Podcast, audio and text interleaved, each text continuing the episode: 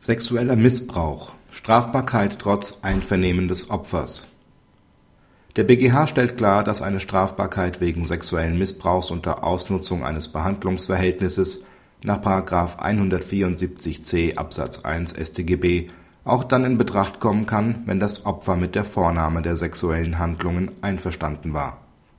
Der Angeklagte wurde vom Landgericht unter anderem nach § 174c Absatz 1 StGB verurteilt weil er als Heilpraktiker sexuelle Handlungen an Patientinnen vorgenommen hatte.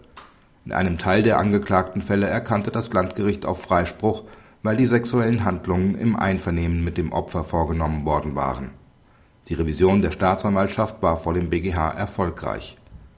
Nach Ansicht des BgH steht das Einvernehmen des Opfers mit den sexuellen Handlungen einer Verurteilung nicht entgegen bei § 174c StGB kommt dem Einvernehmen des Opfers weder eine tatbestandsausschließende noch eine rechtfertigende Wirkung zu.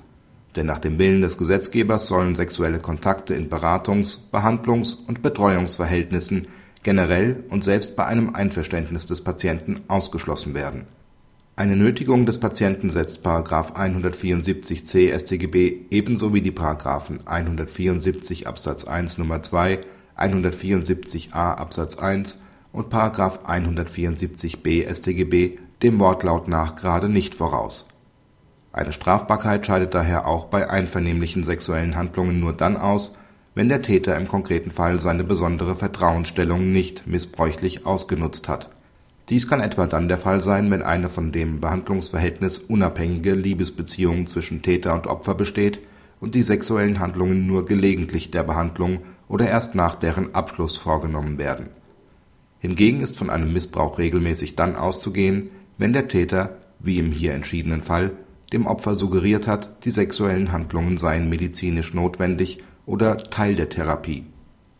Praxishinweis Die Entscheidung macht deutlich, dass das Einvernehmen des Opfers nicht stets eine Bestrafung aus einem Sexualdelikt ausschließt.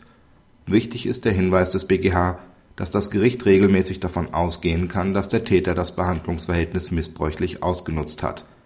Nur wenn entgegenstehende Hinweise existieren, muss diesen nachgegangen werden